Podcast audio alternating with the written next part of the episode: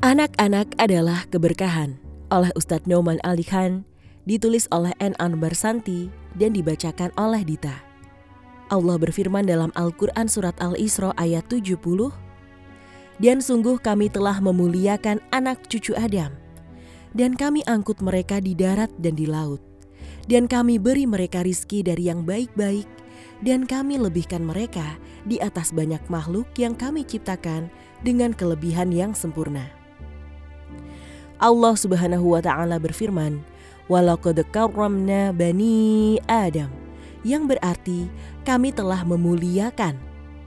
Allah Subhanahu wa taala tidak menggunakan istilah al-insan, tapi Allah berfirman, "Laqad karramna bani Adam." Memanggil dengan sebutan Bani Adam. Kemanusiaan itu dideskripsikan melalui hubungan anak dengan orang tuanya, ya kan? Dan ada dua entitas yang telah dimuliakan oleh Allah. Sang anak telah dimuliakan dan ayahnya juga telah dimuliakan. Di ayat ini, Ustadz Nauman ingin menyoroti sesuatu dalam ayat ini dari perspektif parenting. Dan sungguh kami telah memuliakan anak-anak Adam dan kami angkut mereka di darat dan di laut. Ini berarti setiap anak yang telah dilahirkan di sebuah keluarga telah membawa kemuliaan dan penghargaan dari Allah kepada keluarga tersebut. Karena Allah sendiri telah memuliakan setiap anak. Jadi, kelahiran seorang anak di keluarga kita adalah tanda hadirnya kemuliaan Allah di rumah tangga kita. Seorang anak adalah hadiah dari Allah. Ingat bahwa bagian pertama di parenting series ini adalah the children are a blessing anak-anak adalah keberkahan. Begitulah cara Allah mendatangkan keberkahan ke rumah tangga Anda, yaitu melalui lahirnya seorang anak. Karena setiap anak sudah dihargai dan dimuliakan oleh Allah sendiri. Sebelum membahas tentang martabat kemanusiaan, di sisi lain Allah berfirman bahwa ada bangsa-bangsa yang gagal dan buruk. Ada banyak bangsa yang gagal yang Allah sebut di dalam Al-Quran. Tapi ada dua bangsa yang sering muncul, yaitu Ali Fir'aun dan Bani Israel. Kedua nama itu adalah gelar bagi bangsa itu. Allah tidak menyebut ashabu Fir'aun atau kaum Fir'aun. Tetapi Ali Fir'aun. Ali artinya garis keturunan. Jadi kegagalan bangsa mereka disebabkan oleh kegagalan dalam parenting. Dan untuk Israel, Allah tidak memanggil dengan Israeliun tapi Allah memanggil mereka dengan Bani Israel, yang berarti anak-anak Israel.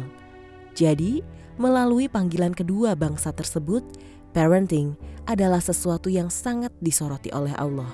Dengan memanggil nama Bani Israel, Allah seakan-akan berkata kepada Bani Israel, "Kalian tuh anak-anak Israel, kenapa selalu membangkang? Ayah kalian adalah sosok yang mengagumkan. Kenapa kalian membangkang?" Jadi, Allah menamakan mereka sebagai Bani Israel, yaitu menggunakan istilah anak yang berkaitan dengan parenting sebagai suatu kehormatan bagi mereka. Sebutan Bani Israel adalah gelar kehormatan. Bani Israel bukanlah gelar yang buruk. Nama tersebut mengingatkan kaumnya bahwa mereka punya ayah atau bapak atau nenek moyang yang hebat.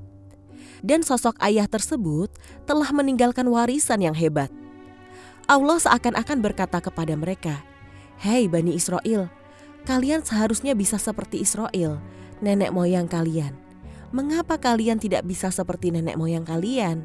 Jadi, nama Bani Israel membawa mereka kembali kepada ayahnya, membuat mereka mengingat sosok ayah mereka. Di sisi lain, Allah juga bisa menamakan suatu kaum sebagai sesuatu yang memalukan sebagai lambang bahwa Allah marah dan mencela sebutan tersebut. Misalnya, nama Aldi Fir'aun. Mari kita simak ayat berikut. Al-Quran Surat Al-Hujurat ayat 13. Wahai manusia, sungguh kami telah menciptakan kamu dari seorang laki-laki dan seorang perempuan. Kemudian kami jadikan kamu berbangsa-bangsa dan bersuku-suku agar kamu saling mengenal. Sesungguhnya, yang paling mulia di antara kamu di sisi Allah ialah yang paling bertakwa. Sungguh, Allah Maha Mengetahui, Maha Teliti. Ayat ini adalah ayat yang sangat terkenal dari Surat Al-Hujurat. Allah berfirman bahwa kami menciptakan kamu dari laki-laki dan perempuan, lalu tersebar menjadi banyak bangsa, banyak suku, banyak desa, banyak perbedaan etnis dan perbedaan keturunan. Agar lita'arafu, yaitu agar kita dapat saling mengenal satu sama lain, dapat mengapresiasi perbedaan satu sama lain. Tapi bagian yang ingin ditekankan oleh Allah di dalam ayat ini adalah Inna akramakum indallahi atqakum. Yang indah di ayat ini adalah Allah tidak berfirman Inna karimakum indallahi atqakum. Allah tidak berfirman bahwa orang yang punya kemuliaan di antara kamu adalah orang yang paling bertakwa. Bukan itu. Allah berfirman, orang yang paling mulia di antara kamu adalah orang yang paling memiliki takwa. Jika Allah berfirman Ina karimakum indallah atau Ina kuramakum indallah atau Ina karimikum indallah jika Allah berfirman seperti variasi ini, maka hanya orang yang bertakwa saja yang memiliki kemuliaan. Tapi bagaimana yang lain? Dianggap tidak mulia sama sekali? Tapi sebenarnya Allah sudah memberikan kemuliaan untuk seluruh anak Adam di surat Al-Isra ayat 70. Jadi di ayat Al-Hujurat ini, siapa yang lebih memiliki kemuliaan di antara anak-anak Adam adalah orang-orang yang bertakwa. Jadi seluruh anak-anak Adam telah dimuliakan dan orang-orang yang bertakwa lebih mulia lagi di antara mereka. Dua kali Allah berfirman bahwa dia telah memuliakan kita. Pertama dengan memiliki anak atau dengan membawa anak ke rumah kita adalah suatu kehormatan. Dan yang paling terhormat adalah orang-orang yang memiliki ketakwaan yaitu orang yang paling sadar dan paling takut kepada Allah. Semoga Allah menjadikan kita salah satu di antaranya. Inilah permulaan dari bahasan kita.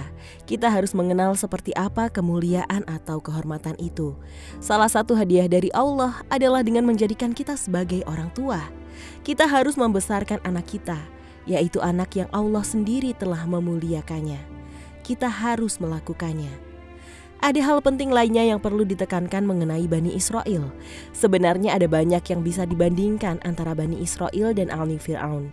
Tapi ada satu hal utama yang ingin kita bahas sekarang adalah mengenai pendidikan Islam. Kita harus mengajarkan anak-anak kita mengenai Islam. Tapi kita tahu bahwa Bani Israel, cara mereka untuk mengajarkan Islam itu sangat jauh lebih sulit karena Bani Israel harus mengajarkan Islam di masa ketika akan ada nabi lain yang akan datang dan mereka harus mencari nabi itu. Sedangkan kita tidak harus mengajarkan hal tersebut. Kita tidak perlu mengajarkan bahwa akan datang nabi lain karena bagi kita Nabi Muhammad Shallallahu alaihi wasallam yang terakhir telah datang. Tapi Bani Israel harus mendidik anak mereka bahwa akan datang nabi lainnya dan ketika nabi tersebut datang, hampir tidak ada orang yang akan percaya. Allah telah menurunkan banyak nabi kepada Bani Israel, sehingga Bani Israel harus mendidik anak mereka untuk jangan meremehkan para nabi. Mereka harus meneruskan pesan tersebut kepada generasi demi generasi seterusnya. Inilah tanggung jawab pendidikan yang Bani Israel miliki. Kita tahu bahwa ketika Nabi Muhammad Shallallahu Alaihi Wasallam datang, Allah berfirman di Al-Quran Surat Al-An'am ayat 20.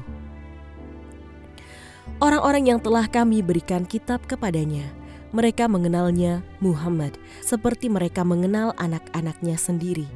Orang-orang yang merugikan dirinya, mereka itu tidak beriman. Mereka mengenalnya seperti mereka mengenal anak-anaknya sendiri. Setidaknya, sebagai pesan dalam pendidikan Islam ini tetap bertahan di kalangan Bani Israel sampai datangnya Nabi Muhammad. Bani Israel tidak meninggalkan pendidikan Islam bagi anak-anak mereka.